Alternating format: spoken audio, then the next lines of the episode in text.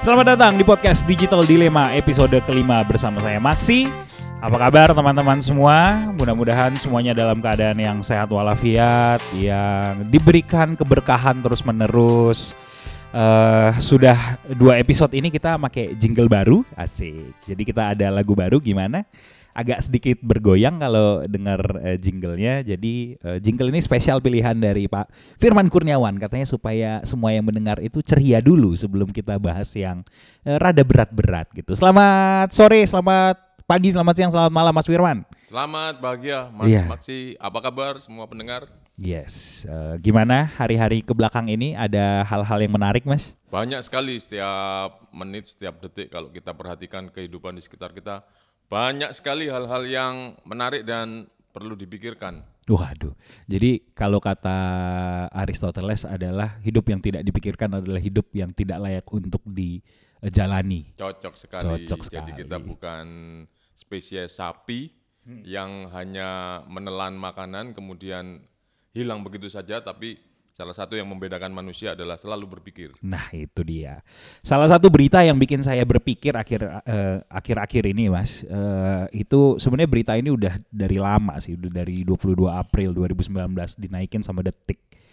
Uh, di Austria, uh, kalau komen di internet itu katanya harus pakai nama asli. Ya, betul sekali. Jadi itu salah satu cara yang dilakukan oleh pemerintah setempat untuk mengendalikan beredarnya uh, ujaran kebencian, kabar bohong dan sebagainya. Jadi dengan meminta para pengguna sosial media pakai nama asli, setidak-tidaknya yeah. untuk username-nya, itu akan mudah dilacak dari mana nih sumber kabar bohong atau kebencian.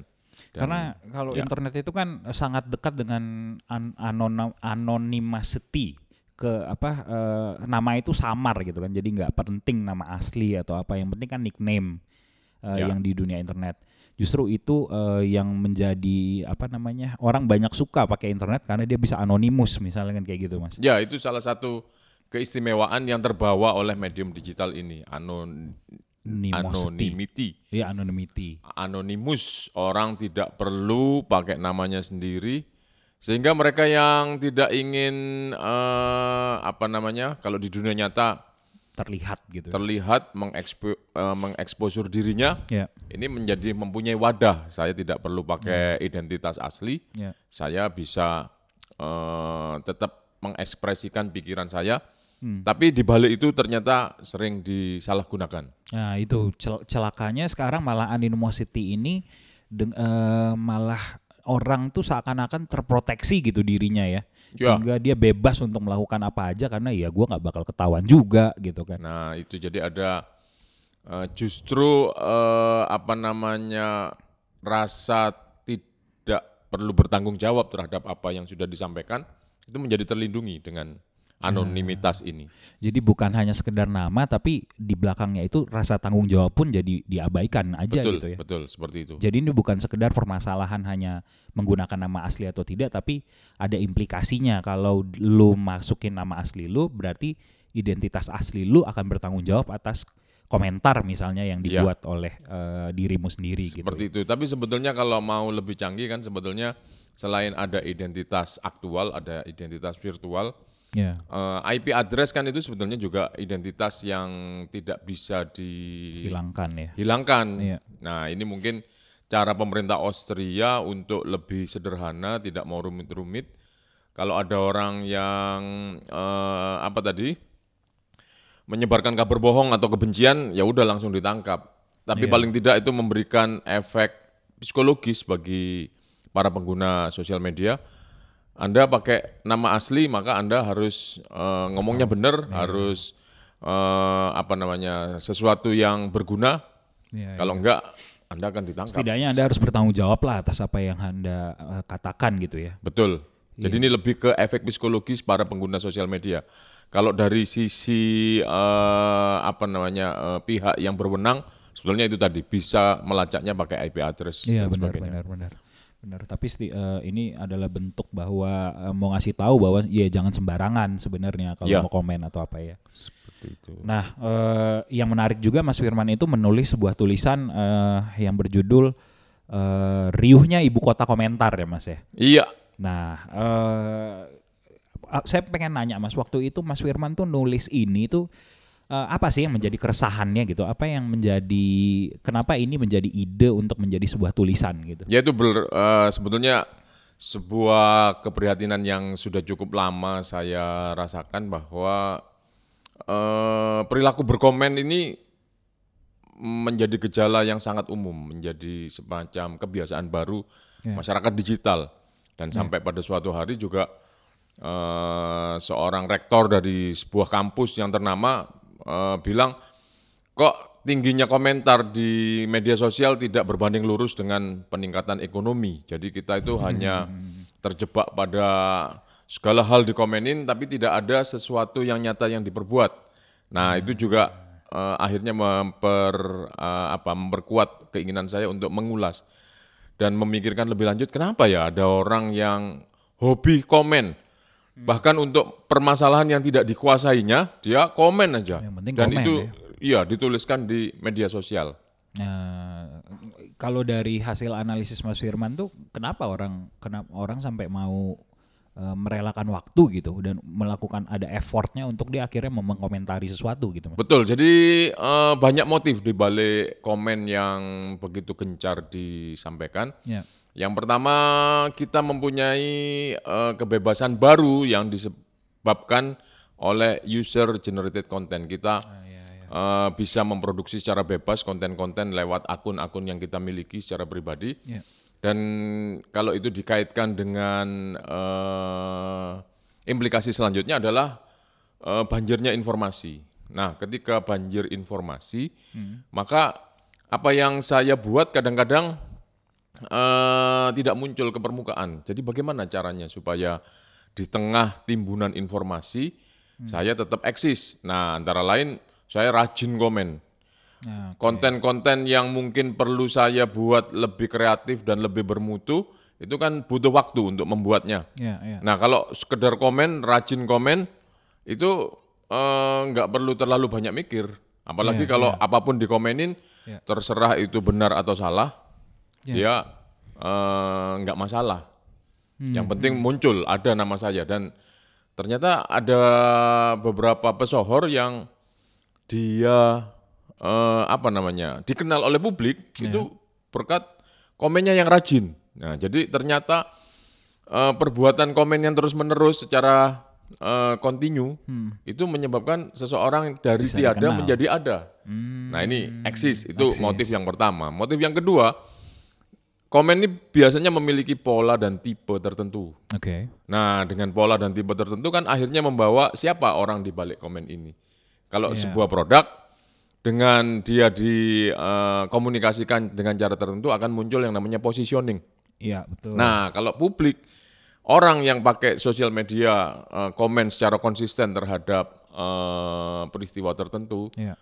dia akan muncul eh, kepribadiannya, dia akan muncul positioningnya seperti apa orang ini. Jadi eh, bisa digunakan untuk membangun personality branding sebetulnya komen. dia juga ya yang Ya. dibentuk ya. Ya. Mirip-mirip dengan yang kita bahas di podcast sebelumnya tentang identitas digital itu Mas ya. Ya, jadilah dia sebuah eh, identitas digital yang baru yang mungkin berbeda dari kesehariannya di dunia Kesehariannya. nyata. Iya bisa jadi kadang-kadang orang yang eh, sering komen ini di dunia nyata bisa jadi dia sebenarnya minder atau misalnya eh, tidak terlalu aktif berbicara tapi di digital itu dia bisa meluapkan eh, apa namanya ekspresinya itu melalui komentar-komentar di melalui akunnya itu ya. Iya, betul sekali.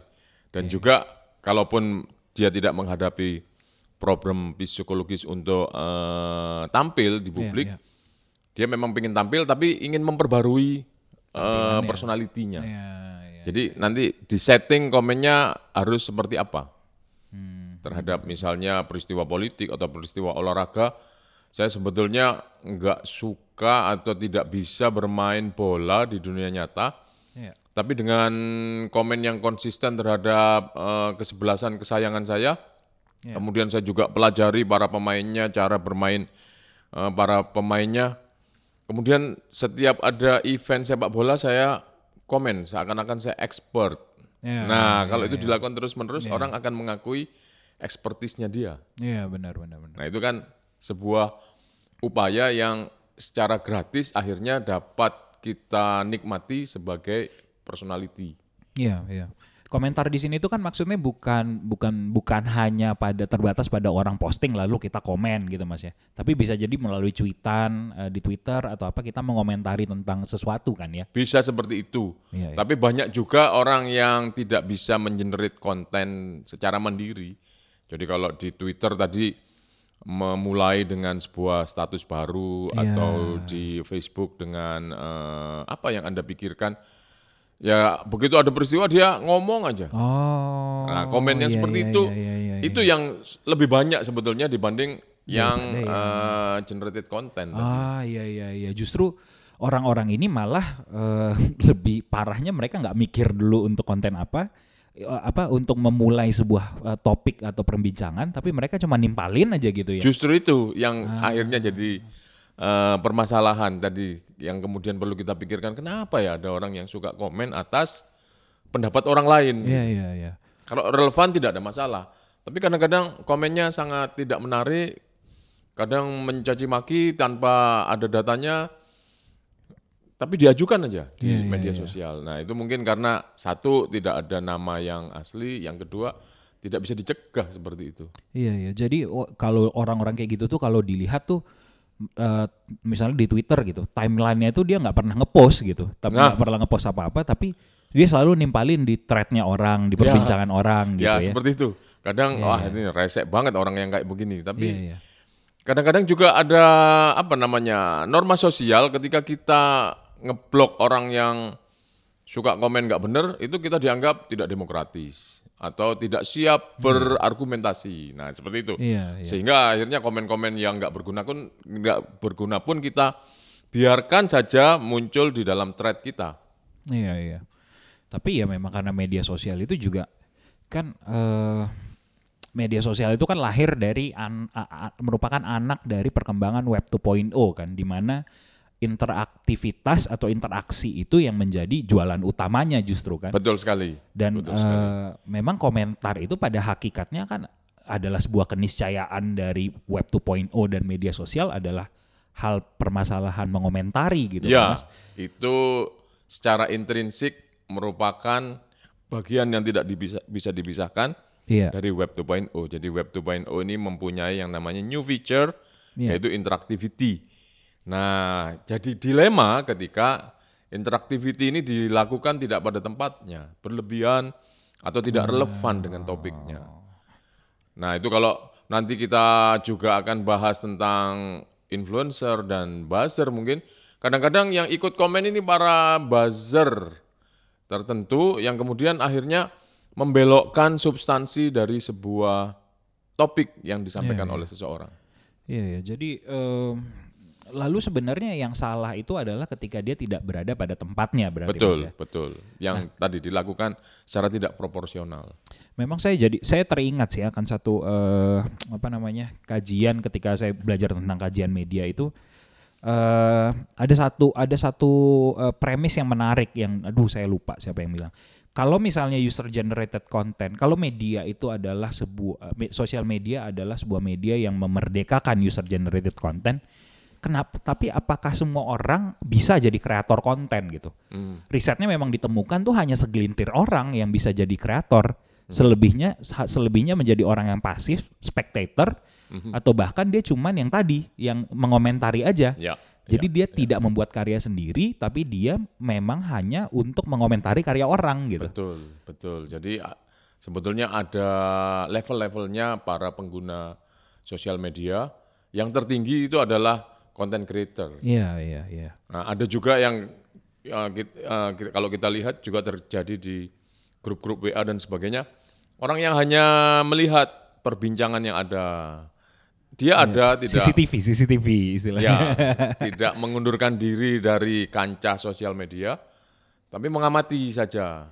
Iya, iya. Nah, ada juga yang komentator Iya, iya, iya. seperti itu. Jadi eh, komentator mungkin satu level lebih tinggi daripada yang pasif tadi. Pasif. Iya, Nah, i- eh, apa namanya? Hadiah dari menjadi komentator adalah dia muncul eksistensinya. Oke. Muncul eksistensinya bahkan setelah eksistensi itu terbentuk, dia juga muncul karakternya menjadi personality branding. Jadi bayangkan hanya cukup dengan modal komen terus menerus, Iya, iya. tapi bisa menjadi seseorang, somebody. Iya, Itu secara apa ya permasalahan identitas digital ini berarti kan Mas permasalahan iya. identitasnya orang Semua itu ya? orang ingin meraih identitasnya di ranah apa pun. Nah ini mungkin adalah salah satu modus modusnya ya. untuk membangun identitas di ranah digital. apa apa apa memang pada dasarnya manusia itu punya hasrat untuk eh, stand out daripada yang lain Mas Hmm, tidak semuanya seperti itu ya. Hmm, Tetapi eh, kalau menurut apa kajian eksistensialisme kan Iya, orang itu berusaha memunculkan dirinya, iya, mewujudkan menjadi sesuatu yang nyata. iya, Nah itu mewujudkan menjadi sesuatu yang nyata itu bisa dalam bentuk abstrak, pemikiran, iya. eh, ide-ide, gagasan, bisa juga dalam bentuk sesuatu yang konkret, karya, misalnya lagu atau prestasi olahraga Iya, dan iya, sebagainya. betul. Nah di dalam dunia sosial ini, media sosial ini kan eh, apa? Misalnya aktivisme tidak harus juga dilakukan secara aktual di eh, ranah Iya. eh, nyata, Nyata. tapi bisa juga aktivisme dilakukan di ranah sosial. Kita hanya apa menggerakkan jempol kita, Iya, iya, iya, iya. tapi ternyata bisa menghasilkan perubahan. Iya, iya, selectivism. Yang ada istilah kajian-kajian itu yang bagi, apa seakan-akan kita ber- berbuat sesuatu gitu, Ya, padahal sebenarnya kita nggak ngapa-ngapain gitu. nah ini modus yang sama adalah kita sebetulnya nggak mengcreate konten, tidak menghasilkan gagasan, tapi mengomentari sebuah gagasan yang lain. Gagasan yang lain ya Kalau itu dilakukan secara terus-menerus itu tadi dia menjadi eksis. menjadi eksis ya. Seperti itu. Padahal belum tentu dia bisa menciptakan sebuah gagasan baru juga gitu Bisa ya. jadi. Iya, memang spesialisnya komen aja dia memang. Nah, sebetulnya kita tidak perlu apa tadi eh, keberatan nyinyir terhadap komentator-komentator, Iya. tapi ketika itu tadi dilakukan secara berlebihan dan tidak relevan, Iya. itu mengganggu. Iya, iya, iya. Itu mengganggu. Kadang-kadang membelokkan substansi tujuan aktivisme orang lain itu bisa menjadi tidak tercapai gara-gara komen yang tidak relevan ini. Iya, iya. Itu tadi kalau disambut oleh teman-temannya atau buzzer yang lain itu menjadi belok. Tapi kalau buat si konten kreator sendiri gitu ya, Mas. Kadang kan mereka seneng tuh kontennya tuh banyak yang komen tuh. Ya, kalau dihitung dari kuantitas komen negatif pun adalah eh, perhatian. Perhatian, iya. Komen negatif pun adalah eh, sesuatu yang membutuhkan effort. Iya. Kan kalau dibanding daripada didiemin eh, menjadi postingan yang jomblo, kan Iya. lebih bagus ada yang ngomenin tapi negatif. Iya. Nah, Berarti mungkin ada yang baca dari sisi itu ada apa penghiburan diri. Iya, iya, iya. Nah, Tetapi kalau banyak yang akhirnya membelokkan eh, tujuan dari yang membuat gagasan, apakah dia tetap merasa happy? Nah itu pertanyaannya. Iya sih, iya. Tapi kan kalau memang kalau eh, industri itu kan juga melihat eh, komentar itu kan sebagai sebuah pencapaian positif gitu mas. No. Buktinya itu kalau misalnya kebetulan saya kan banyak bergerak di bidang digital marketing, komentar itu kan masuk dalam engagement gitu kan. Eh, semakin banyak komentar baik eh, positif negatif kadang-kadang itu tidak di tidak di tidak dipikirkan oleh ini tidak dipikirkan oleh eh, pengguna. Yang penting konten di- eh, konten dia itu dapat engagementnya berapa gitu. Ya, Nah. ya itu mungkin sebuah dunia yang perlu kita pelajari kembali iya. bahwa aturan-aturan lama yang membedakan kalau di dunia humas kan ada tone positif, iya iya tone negatif. iya iya Itu dulu menjadi perhatian bagaimana kita meningkatkan tone positif, meni- di- meminimalkan tone negatif. Sekarang ketika itu disatukan menjadi kuantitas, quantity, iya itu ya itu tadi dunia yang baru yang perlu kita pelajari. Iya, Tapi pun pun kuantitinya mereka mereka menghargai kuantiti eh, beberapa eh, tim pun sekarang beberapa perusahaan pun sudah tidak peduli pada kuantiti yang banyak. Mereka menerapkan yang namanya social listening akhirnya kan. Hmm. Jadi dia lihat sentimennya, oke ini pos, eh, kuant- komentarnya banyak tapi mulai mem- perusahaan banyak mulai mempelajari sentimennya ini positif apa negatif. Ya, gitu kan. ya, ya. Nah itu yang itu yang eh, apa namanya yang cilakanya sebenarnya ketika komentar itu masuk dalam industri malah bisa diperjualbelikan gitu mas. Iya, iya.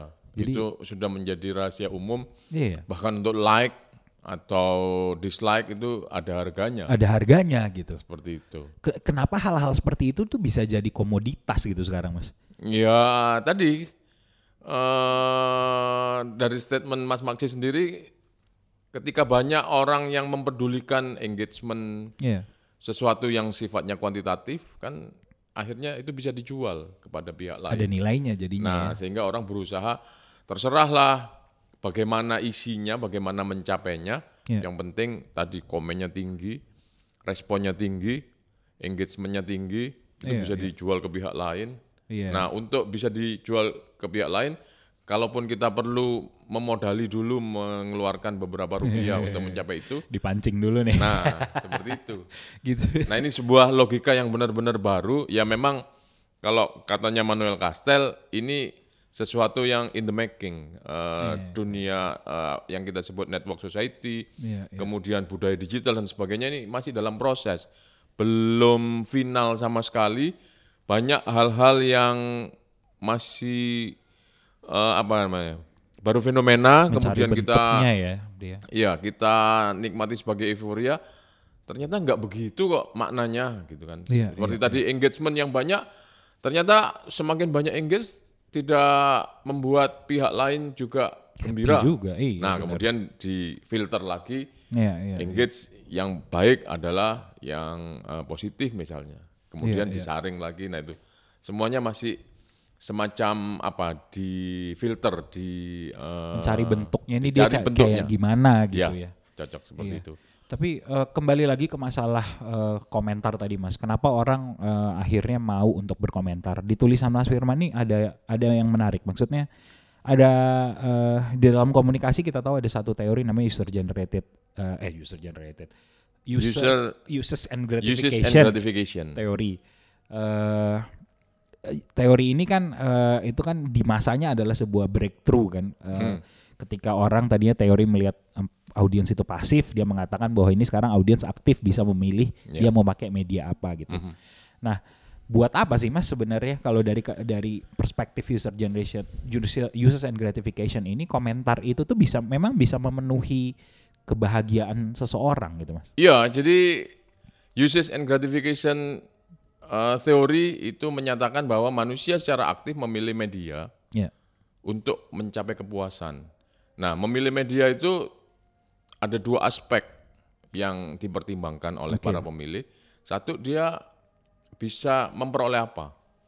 Yang kedua, dia bisa memberikan apa. Nah, eh, terhadap media koran misalnya kita bisa memperoleh informasi, bisa memperoleh berita.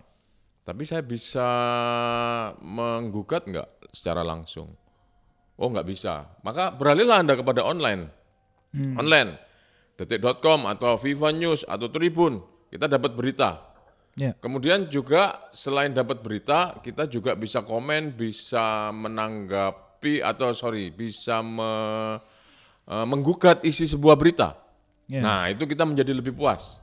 Ya, iya. Nah, demikian juga untuk sosial media dan sebagainya, itu kita bisa bahkan berdebat dengan orang lain, sehingga apa namanya keutuhan yang kita cari dari sebuah medium itu terpenuhi.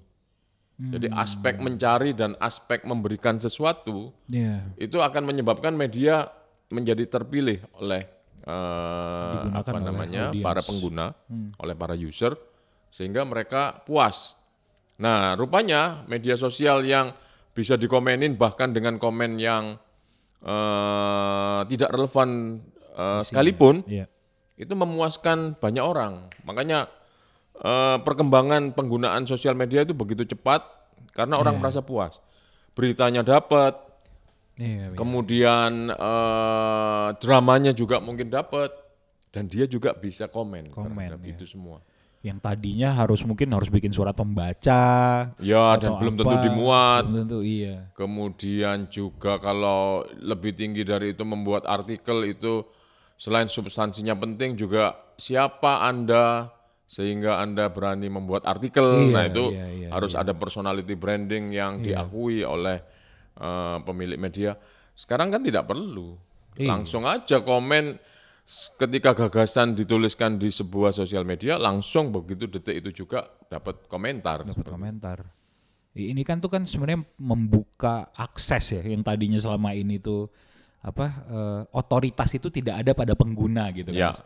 Ketika itu malah diberikan pada pengguna, nyoh silakan tuh Ya. mau mau diapain gitu ya. Ya, betul itu me- seiring dengan eh, digitalisasi media terjadi shifting authority dari produsen ke konsumen. Konsumen. Sekarang semua konsumen itu adalah produsen. Oh, iya iya iya iya Itu benar tadi. benar benar. Nah, itu sehingga sosial media ini dipandang lebih memuaskan dibanding Iya, medium-medium konvensional yang eh, monomedia seperti koran, TV, radio dan sebagainya. Iya iya iya iya. Karena kita leluasa membuat konten, kita leluasa mengambil konten kapan pun, juga kita bisa memperlakukan konten itu seperti yang kita kehendaki. Iya iya iya. Menurut Mas Firwan apa ya? Ini kan otoritas itu kan akhirnya diberikan pada orang dan setiap orang berhak menggunakan akunnya itu eh, terserah dia lah ibaratnya gitu kan. Hmm. Eh, menurut Mas Firwan apa yang dilakukan oleh Austria itu gimana Mas? Ben- langkah yang benar, langkah yang eh, tepat atau langkah yang bisa menghambat semangat dari pemba, apa pembebas pemberian otoritas kepada orang-orang ini gitu. Ya, ketika medium-medium eh, digital, media sosial dan sebagainya ini dibuat, itu kan semangatnya untuk demokratisasi eh, produksi. Iya. Dalam hal ini demokratisasi produksi informasi. Informasi. ya. Itu kalau kita ngomong demokrasi kan artinya memberikan Ruang. keleluasaan, memberikan ruang kepada setiap orang untuk berpendapat, setiap orang untuk mengajukan gagasannya. Ya. Nah itu harus kita sambut. Oke. Nah, tetapi kan harapannya juga demokratisasi itu bisa menciptakan sesuatu, bisa memperbaiki peradaban. Iya, iya, iya. iya. Nah, ketika demokratisasi yang berbasis kebebasan menyatakan pendapat ini kemudian tidak membawa umat manusia ke mana-mana, Iya, iya. apakah masih perlu dipertahankan? Iya. Apakah tidak perlu diatur kembali? Iya, nah, iya, mungkin tujuan Austria dengan mewajibkan orang pakai nama asli itu untuk mencoba eh, meluruskan kembali apa namanya arah dari penggunaan media sosial Iya, yang iya, sudah iya. agak belok. Iya, iya, iya, iya, benar. Nah, sehingga yang ini perlu kita evaluasi memang hasilnya, tapi setidak-tidaknya itu tidak membiarkan eh, kebebasan itu dibawa ke mana saja tanpa kita tahu hasil akhirnya. Iya. Ini tuh kan sangat terkait dengan akhirnya literasi, Mas ya. Iya, betul. Literasi digital eh, Betul. orang ketika ya memang enak sih dikasih tanggung jawab, dikasih otoritas, tapi kan bagaimana kita menggunakan barang itu pada akhirnya gitu kan. Betul. Dan ketika kita berhadapan dengan sesuatu yang baru itu kan harusnya belajar dulu. Nah, itu dia. Ada etika di balik eh, sesuatu teknologi, ada Iya. etika di balik suatu media. Iya, Nah, itu kan perlu dipelajari. iya. Jadi cara belajar antara lain juga dengan melihat akibatnya. Iya. Kita tidak hanya bisa berpatokan pada ini medium untuk demokratisasi, ini medium untuk menyampaikan kebebasan pendapat, nggak boleh dilarang, tidak boleh diatur-atur. Iya, iya. Nah, ketika itu eh, disepakati bersama, oke nggak boleh dilarang ya, nggak boleh diatur-atur ya. Hidupmu akan lebih bermutu apa tidak? Iya. Nah, ketika itu tidak membawa kenyamanan, tidak membawa perubahan yang lebih baik, itu kan mestinya ada sebuah tindakan. Kalau di sebuah perusahaan, ketika tujuan perusahaan menyimpang, itu kan harus ada tindakan manajemen. Betul. Nah, salah satu tindakan manajemen yang dijalankan Austria dan sekali lagi itu perlu kita evaluasi hasilnya seperti Iya, apa. Itu adalah upaya untuk mengembalikan kepada tujuan. Karena semuanya masih in the making ini pun kadang kita belum tahu apa akibatnya gitu Mas. ya, Betul, Untuk kita hal yang semua baru belajar. ini. Kalau Iya. menurut Anthony Giddens kan di hadapan teknologi itu masyarakat menjadi masyarakat tunggang langgang, Iya, iya. iya. runaway society. Jadi bingung ini mau diapain. Iya, iya. Dan perubahannya begitu cepat, ukurannya dari detik ke detik. Oh, sudah seperti ini. Iya, iya, iya, iya. Benar sih. Hmm, ini hal yang menarik sih bagaimana sebenarnya cilakanya sih di Indonesia eh, ketika kita ngomong literasi masalah digital ini literasi non digital saja kita masih cukup rendah ibaratnya begitu kan. Tapi ketika ini ini ini kita diajak loncatnya tuh loncatnya bukan loncat tinggi lagi, udah terbang langsung dengan teknologi yang Iya, ada gitu. Kalau katanya ahli manajemen atau ahli teknologi, ini yang kita disebut mengalami disruption. Disruption. Jadi ada patahan. Kalau tadinya perkembangan itu bersifat deret ukur, deret hitung, ini sudah nggak pakai Eksponensial ya. deret-deret itu, jadi langsung patah. Iya benar-benar sesuatu yang baru. Dan Betul. Jadi kan disebut patah juga karena melampaui kapasitas manusia normal untuk mempelajarinya. Jadi Hmm. kalau mempelajari itu dari merangkak, berjalan, berlari, ini sudah harus langsung lompat. langsung lahir langsung suruh lompat gitu ya. Justru itu, disruption itu seperti itu. Uh, berat ini tantangan untuk eh, calon orang tua, untuk apa untuk mendidik anaknya. itu. Tiba-tiba menje- merasa menjadi tua ya. tiba-tiba menjadi tua ya ya tapi memang itu yang dihadapin sih jadi gimana ya ya eh, saya di kepala saya tuh saya ke kebayangnya itu bukan itu mas saya kebayangnya tuh betapa sekarang tuh angka penetrasi eh, handphone-handphone yang murah di daerah-daerah itu sekarang tinggi banget. Ya, dan itu mereka tuh eh, tanpa bermaksud mendisregard mereka yang ada di eh, daerah-daerah ya di daerah-daerah terpencil tapi eh, apa kebijaksanaan penggunaan media itu kan adalah hal yang beda gitu kan. Iya betul. itu adalah satu hal gitu. Kita yang di kota besar yang udah akrab dengan medianya saja belum tentu bisa jadi bijak gitu. Betul. Gimana? Teknologi satu hal, kultur adalah hal lain yang juga perlu dipersiapkan. Ya, social construction of technology jadinya mas Betul. Jadi kita kadang sering melihat dan geli ada orang bisa mengemudikan motor sambil membalas WA. iya benar benar benar Dan itu kadang-kadang juga dilakukan oleh aparat yang apa namanya ingin menegakkan hukum bahwa berlalu lintas harus aman. Kadang-kadang kita Iya, iya. lihat ada aparat yang sambil naik motor pegang handphone dan itu nampaknya berkegiatan aktif. Nah, itu kan iya iya itu tadi akibat dari kita mestinya membangun eh, budaya aman dulu iya iya iya baru masuk ke budaya teknologi tinggi sehingga bisa menggunakan teknologi tinggi dengan cara yang aman. Iya, yang aman ya. benar, nah, benar, sementara benar, benar. budaya aman kita belum terbentuk, Iya, iya, diperkenalkan pada teknologi yang tinggi. iya.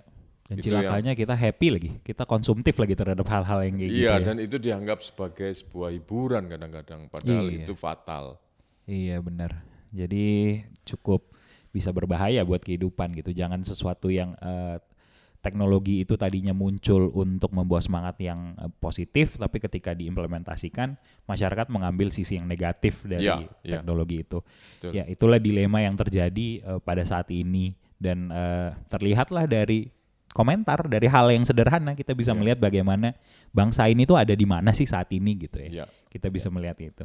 Menarik sekali perbincangan kita hari ini dan eh, satu kata kunci sebenarnya yang eh, bisa kita ambil adalah bagaimana literasi itu sebenarnya literasi literasi digital gitu dan Mas Firman juga mendirikan eh, Literos ya lembaga eh, yang mendorong untuk literasi digital gitu Iya, betul. ya. Ya, Dulu saya dirikan bersama-sama almarhum Mas Nukman Lutfi. ah ya ya ya, Eh, ya, ya. Beliau juga aktivis sosial media, Iya, terutama benar-benar. untuk membangun literasi ya ya dan ya melanjutkan perjuangan terus sampai melanjutkan sekarang untuk itu lewat jalur pendidikan tentunya karena Jalur saya pendidikan. berprofesi sebagai dosen.